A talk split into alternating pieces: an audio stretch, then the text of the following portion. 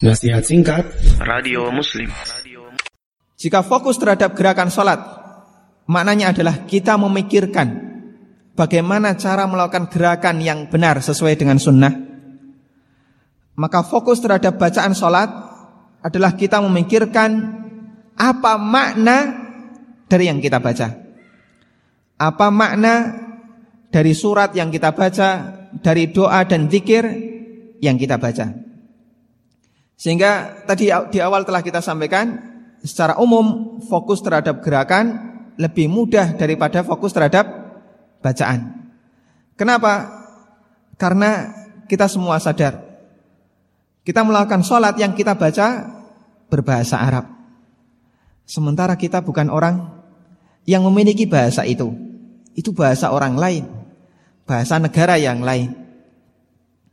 Sehingga ketika kita mau fokus terhadap bacaan, ada pengantar yang harus kita lakukan.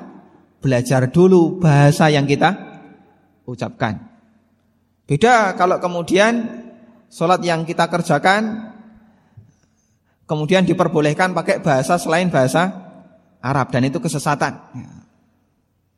Dia takbiratul ikhram, Allah gede banget. Nah, jelas ini kesesatan yang sempat kemudian di apa pernah diajarkan di Malang. Namun bacaan yang kita baca bahasa Arab. Sehingga tugas pertama agar kita bisa fokus terhadap bacaan adalah kita harus memahami bahasa yang kita baca.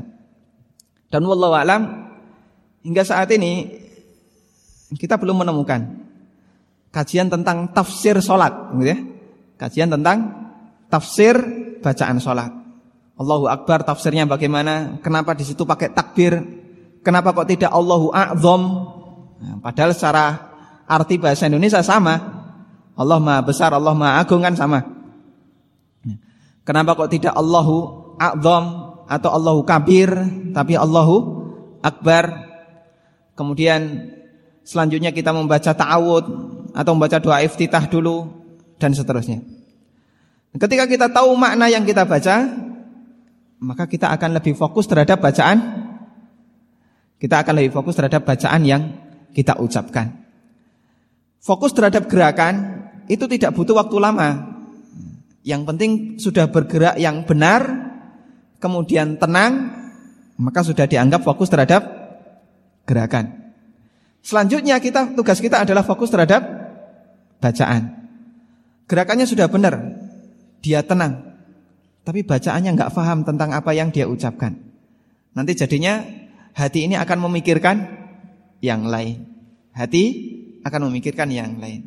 Sehingga dia tidak khusuk terhadap bacaan. Karena itu sangat penting sekali bagi kaum muslimin yang ingin sholat dengan khusyuk untuk memahami semua bacaan dalam sholatnya. Dia pahami makna dari setiap bacaan yang ada dalam sholatnya.